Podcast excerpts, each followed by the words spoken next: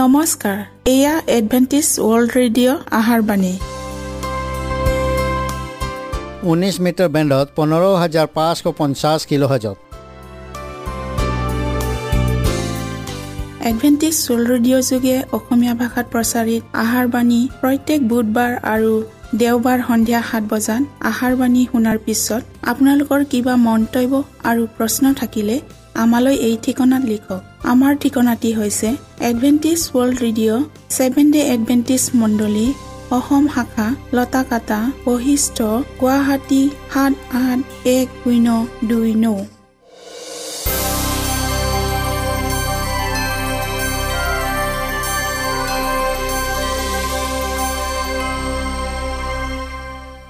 প্ৰিয় শ্ৰোতা বন্ধুসকল এতিয়া শুনো আহক এটি খ্ৰীষ্টীয় ধৰ্মীয় গীত।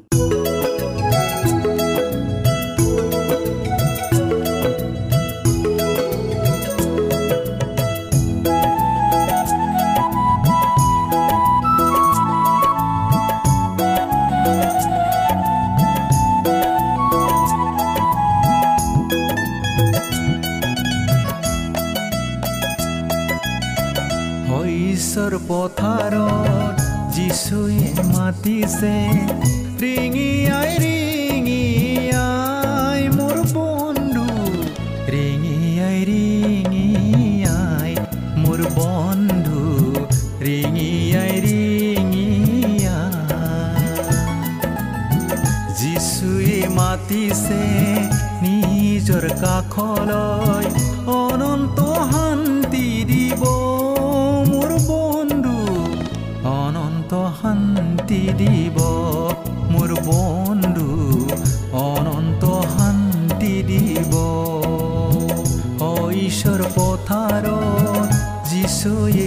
যিচুৱে মাতিছে ৰিঙিয়াই ৰিঙিয়াই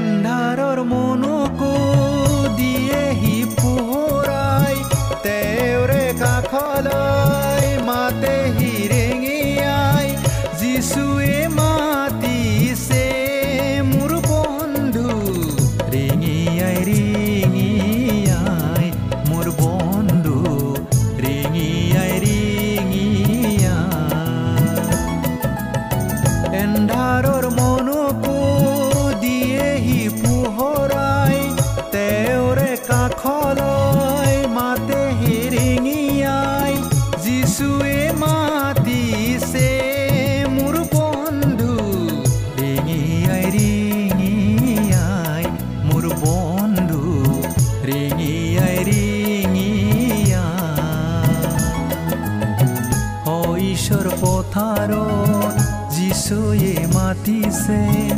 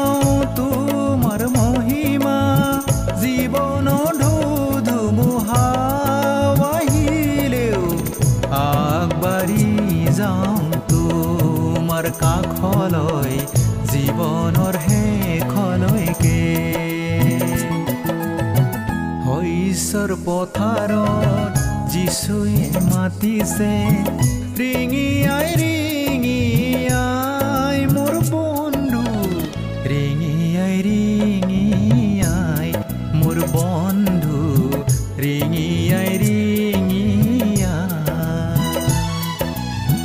যিচুৱে মাতিছে নিজৰ কাষলৈ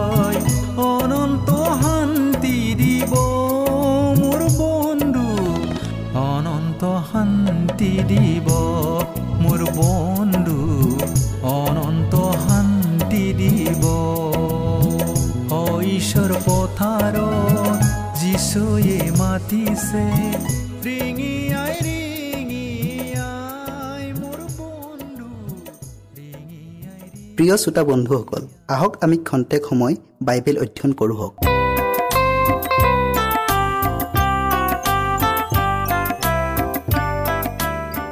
প্ৰিয় শ্ৰোতাসকল আজি আমি নতুন বিষয় মানৱ আৰু ছয়তানৰ মাজত শত্ৰুতা এই বিষয়টিলৈ অধ্যয়ন কৰোঁ হওক অধ্যয়ন কৰাৰ আগতে আমি প্ৰাৰ্থনা কৰোঁ হওক। স্বৰ্গত থকা পবিত্ৰ কৰোণাময় ঈশ্বৰ যি হোৱা ধন্যবাদ প্ৰভু এই বিশেষ সময় দিয়াৰ বাবে। প্ৰভু আজি আমি যি বিশেষ বিষয় অধ্যয়ন কৰিবলৈ আগবঢ়াইছোঁ এই বিশেষ বিষয় সম্পূৰ্ণকৈ যেন বুজি পাই এনে তুমি আমাক পবিত্ৰ আত্মাৰে ভৰপূৰ কৰি দিয়া। প্ৰত্যেক শ্ৰোতাৰ হৃদয় পবিত্ৰ আত্মাৰে স্পৰ্শ কৰি দিয়া। যীশুৰ নামত খুজিলোঁ আমেন। আমি প্ৰথমতে আদি পুস্তক তিনি অধ্যায়ৰ পোন্ধৰ পদটো পঢ়োঁ হওক। আৰু মই তোৰে নাৰীৰে মাজত আৰু তোৰ বংশৰে নাৰীৰ বংশৰে মাজত শত্ৰুভাৱ উৎপন্ন কৰিম। সি তোৰ মূৰ গুৰি কৰিব আৰু তই তাৰ গৰুৱা গুৰি কৰিবি। মানুহৰ পতনৰ পাছত ছয়তানৰ অহিতে কোৱা এই ঐশ্বৰিক ৰায়দানটো অন্তিম দিনৰ সময়লৈকে সামৰি লোৱা সকলো যুগৰ বাবে এটা ভাৱবাণীও আছিল আৰু পৃথিৱীত বসবাস কৰিবলগীয়া মানৱ জাতিটোৱে কি মহাসংঘৰ্ষ আৰু ঘাত প্ৰতিঘাতৰ সন্মুখীন হ'ব লাগিব তাক ই ভৱিষ্যবাণী কৰিছিল। ঈশ্বৰে ঘোষণা কৰিছে মই শত্ৰুভাৱ উৎপন্ন কৰিম। এই শত্ৰুতা স্বাভাৱিকতে এনেই উৎপন্ন হোৱা শত্ৰুতা নহয়। মানুহে যেতিয়া ঐশ্বৰিক বিধান উলংঘন কৰিছিল তেতিয়া তাৰ প্ৰকৃতি হৈ পৰিছিল কলসিত দুৰ্মতি দুশ্চিন্তাৰে ভৰা আৰু সি ছয়তানৰ তুল্য হৈছিল। ছয়তানৰ লগত থকা তাৰ পাৰ্থক্য নোহোৱা হৈছিল। আৰু তেনেকুৱা অৱস্থাত পাপিষ্ট মানুহ আৰু পাপৰ জন্মদাতা ছয়তানৰ মাজত স্বাভাৱিকতে কোনো শত্ৰুতা নাছিল। ভ্ৰষ্টতাৰ জৰিয়তে দুয়োজনেই দুষ্টতা আৰু অধাৰ্মিকতাত পৰিণত হৈছিল। এই ভ্ৰষ্টতা যেতিয়ালৈকে সেই পাপ পুৰুষ ছয়তানৰ আদৰ্শ অনুসৰণ কৰাৰ দ্বাৰাই আৰু সেইদৰে আনকো অনুসৰণ কৰিবলৈ প্ৰৰোচিত কৰাৰ দ্বাৰাই আনৰ পৰা সহায় আৰু মহানুভূতি লাভ কৰি থাকিব। তেতিয়ালৈকে স্তব্ধ নহয় সি অবিৰাম গতিত চলিয়েই থাকিব। এইটো কাৰণতে পতীত স্বৰ্গদূত আৰু অধাৰ্মিক দুষ্ট মানৱ জাতিটো চৰম দুৰ্যোগপূৰ্ণ অৱস্থাটো মিলিত হৈ আছিল। সিহঁতৰ এই মিলনৰ ঈশ্বৰে যদি বিশেষ ব্যৱস্থাৰে হস্তক্ষেপ নকৰিলেহেঁতেন তেন্তে স্বৰ্গৰ অহিতে ছয়তান আৰু মানৱে এক মৰ্চা অৰ্থাৎ মিত্ৰ গোষ্ঠী গঠন কৰিলেহেঁতেন। আৰু ছয়তানৰ অহিতে শত্ৰুতা আচৰণ কৰাৰ পৰিৱৰ্তে সমুদায় মানৱ জাতিটোৱে ঈশ্বৰৰ বিপক্ষে থিয় হ'বলৈ ছয়তানৰ লগতহে একেলগ হ'লেহেঁতেন। প্ৰিয় শ্ৰোতাসকল ছয়তানে মানুহক পাপ কৰিবলৈ প্ৰলোভিত কৰিছিল। যেনেকৈ সি স্বৰ্গদূতবিলাকক তাৰে সৈতে বিদ্ৰোহত যোগদান কৰিবলৈ বাধ্য কৰাইছিল যাতে সি স্বৰ্গৰ অহিতে কৰা তাৰ যুদ্ধত সহায় সহযোগিতা লাভ কৰিব পাৰে। কৃষ্টৰ প্ৰতি দেখুওৱা সিহঁতৰ ঘৃণাৰ ক্ষেত্ৰত তাৰ আৰু পতীত স্বৰ্গদূতবিলাকৰ মাজত কোনো মতভেদ নাছিল। আন আন বিষয়বোৰত যদিও সিহঁতৰ মাজত মতানৈক্য আৰু মতভেদ আছিল কিন্তু তথাপিও বিশ্ব ব্ৰহ্মাণ্ডৰ শাসনকৰ্তাজনাৰ ক্ষমতাৰ বিপক্ষে ঘোষণা কৰা যুদ্ধত সিহঁত আটাইয়ে দৃঢ়কৈ একত্ৰিত হৈছিল। কিন্তু তাৰ আৰু নাৰীৰ মাজত আৰু তাৰ বংশ আৰু নাৰীৰ বংশৰ মাজত শত্ৰুতা উৎপন্ন হ'ব বুলি কৰা ঘোষণাটিক যেতিয়া ছয়তানে শুনিছিল তেতিয়া সি জানিছিল যে তাৰ নিজৰ কুচৰিত্ৰটোক মানুহৰ ভিতৰত সুমুৱাই দি মানুহক অমানুহ কৰাৰ তাৰ যি প্ৰচেষ্টা সেই প্ৰচেষ্টাটো বিঘ্নিত হ'ব। আৰু কিবা উপায়ে হ'লেও মানুহে তাৰ শক্তিক প্ৰতিৰোধ কৰিবলৈ সমৰ্থ হ'ব। শ্ৰোতাসকল মানৱ জাতিটোৰ অহিতে ছয়তানৰ শত্ৰুতা উৎপন্ন হ'ল কাৰণ কৃষ্টৰ জৰিয়তে তেওঁবিলাকে ঈশ্বৰৰ প্ৰেম আৰু কৰোণাৰ পাত্ৰ হ'ল। তেওঁৰ হাতত সৃষ্টিৰ কাৰুকাৰ্যবোৰক বিকৃত আৰু প্ৰদূষিত কৰাৰ দ্বাৰাই ঈশ্বৰক অশ্ৰদ্ধাৰ পাত্ৰ কৰিবলৈ ছয়তানে মানুহৰ পৰিত্ৰাণৰ বাবে তৈয়াৰ কৰা ঐশ্বৰিক পৰিকল্পনাটোক নিষ্ফল কৰিব বিচাৰিছে। সি স্বৰ্গখনকো বিস্ময় কৰি জগতখনক সুখ সন্তাপেৰে পৰিপূৰ্ণ কৰি বিষণ্ন কৰি তুলিব বিচাৰিছে। আৰু এই সকলোবিলাক দুৰ্যোগ আৰু সন্তাপ ঈশ্বৰে মানুহ সৃষ্টি কৰাৰ কুফল বুলি সি দেখুৱাব বিচাৰিছে।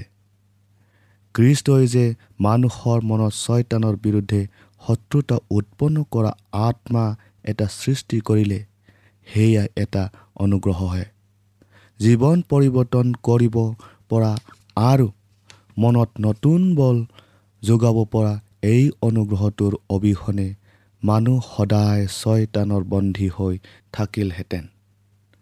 এনে এজন দা যি সদায় তাৰ আদেশ মানিবলৈ প্ৰস্তুত হৈ থাকিলহেঁতেন।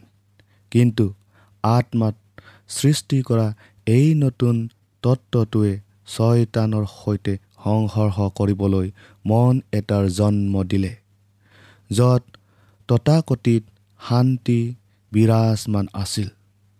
কৃষ্টই মানুহক যি শক্তি প্ৰদান কৰিলে সেই শক্তিয়ে মানুহক ছয়তানৰ স্বেচ্ছাচাৰী আৰু বলপূৰ্বক নীতিত প্ৰতিৰোধ কৰিবলৈ সমৰ্থবান কৰিলে।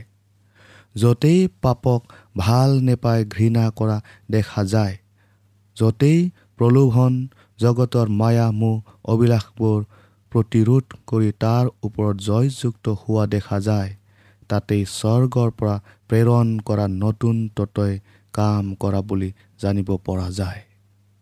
শ্ৰোতাসকল যি শত্ৰুতা কৃষ্টৰ আত্মা আৰু ছয়তানৰ আত্মাৰ মাজত অৱস্থিত হৈ আছে সেই শত্ৰুতাক জগতে কৃষ্ট গ্ৰহণ কৰাত আটাইতকৈ লক্ষণীয়ভাৱে পৰিলক্ষিত হৈছিল।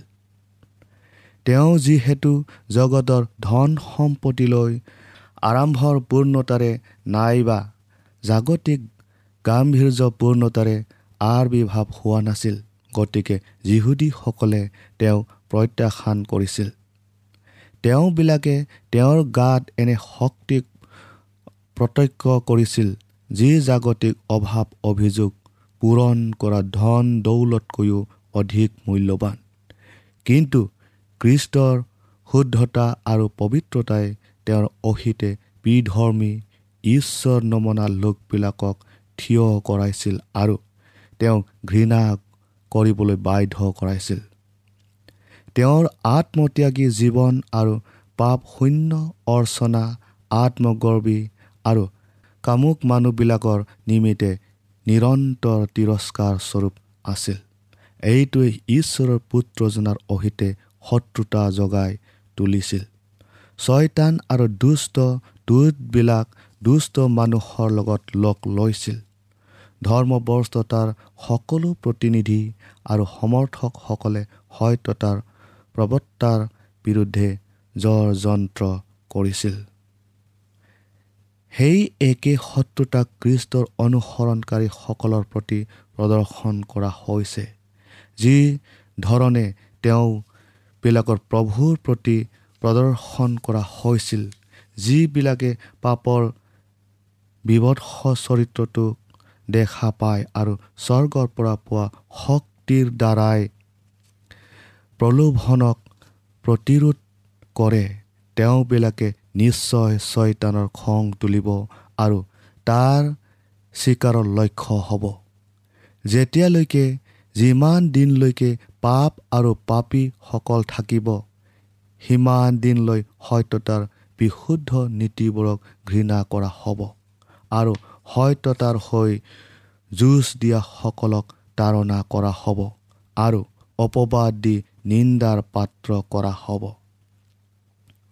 খ্ৰীষ্টৰ অনুসৰণকাৰীসকল আৰু ছয়তানৰ দাবিলাকৰ মাজত কেতিয়াও সমন্বয় গঢ়িব পৰা নাযাব। ক্ৰুচৰ ওপৰত যি আক্ৰমণ হৈছিল সি এতিয়াও ক্ষান্ত হোৱা নাই। বাস্তৱিক কৃষ্ট যীচুত ভক্তিভাৱে জীৱন ধাৰণ কৰিবলৈ ইচ্ছা কৰা সকলোবিলাকে তাৰণা পাব। দ্বিতীয় থিমতী তিনি অধ্যায়ৰ বাৰ পদত। শ্ৰোতাসকল ছয়তানৰ পালি পহৰীয়া আৰু অনুচৰসকলে তাৰ ক্ষমতা প্ৰতিষ্ঠা কৰিবলৈ আৰু ঈশ্বৰৰ শাসন প্ৰণালীৰ বিৰুদ্ধে তাৰ ৰাজ্যখন স্থাপন কৰিবলৈ তাৰ নিৰ্দেশত অবিৰামভাৱে কাম কৰিয়েই আছে। পৃথিৱীৰ অন্তিম দিনত সিহঁতে খ্ৰীষ্টৰ অনুসৰণকাৰীসকলক প্ৰতাৰণা কৰিবলৈ আৰু ঈশ্বৰৰ প্ৰতি থকা তেওঁবিলাকৰ আনুগত্যতাৰ পৰা সন্মুখীন কৰি আঁতৰাই আনিবলৈ চেলু বিচাৰি আছে।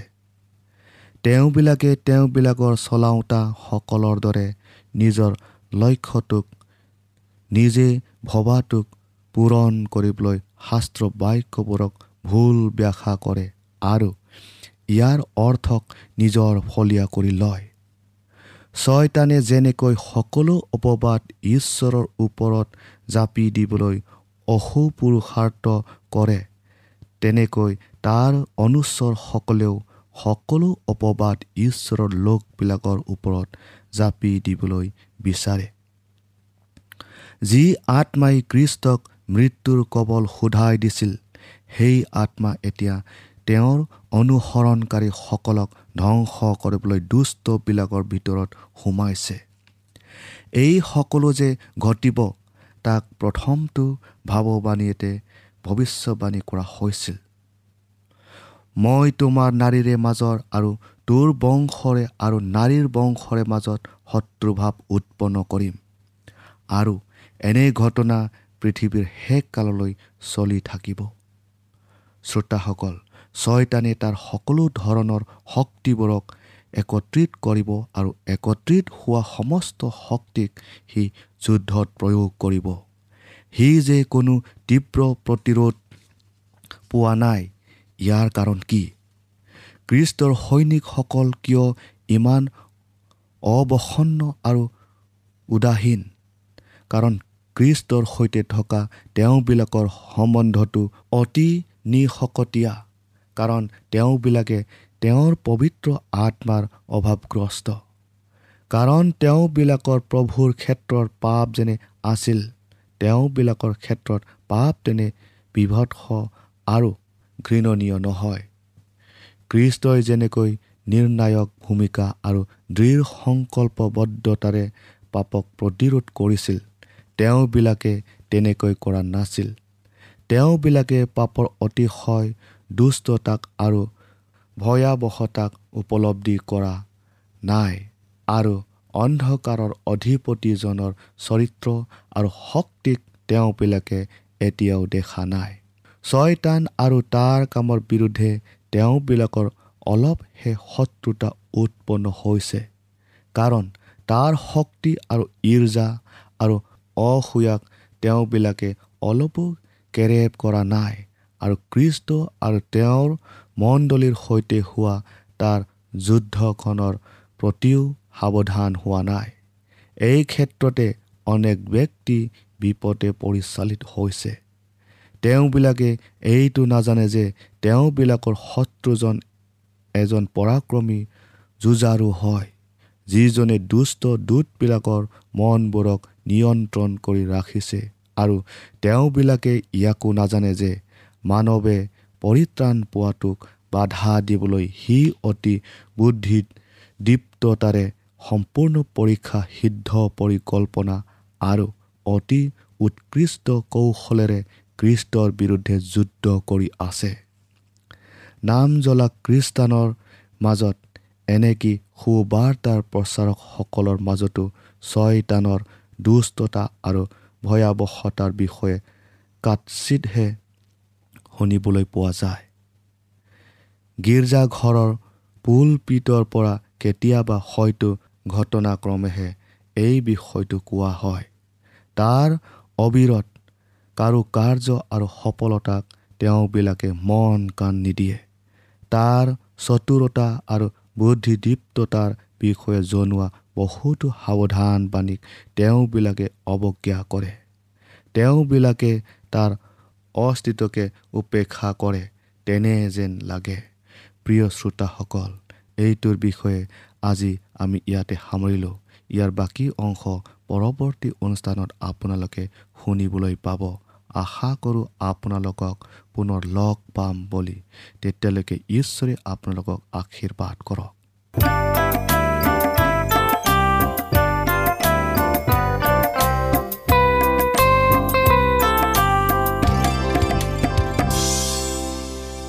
ইমানপৰে আমি বাইবেল অধ্যয়ন কৰিলোঁ এতিয়া আকৌ শুনো আহক এটি খ্ৰীষ্টীয় ধৰ্মীয় গীত।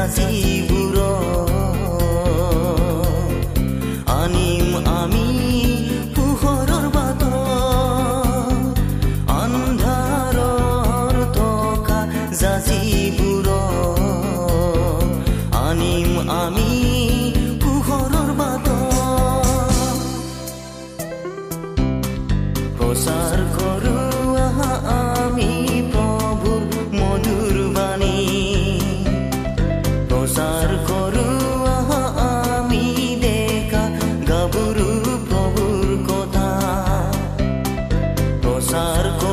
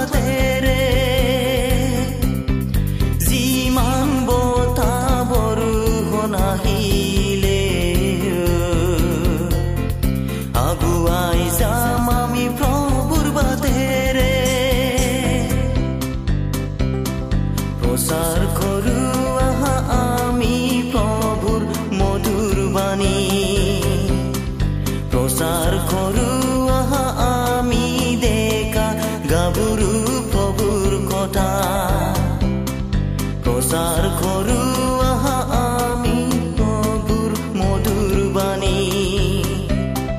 প্ৰচাৰ আহা আমি দেখা প্ৰভুৰ কথা।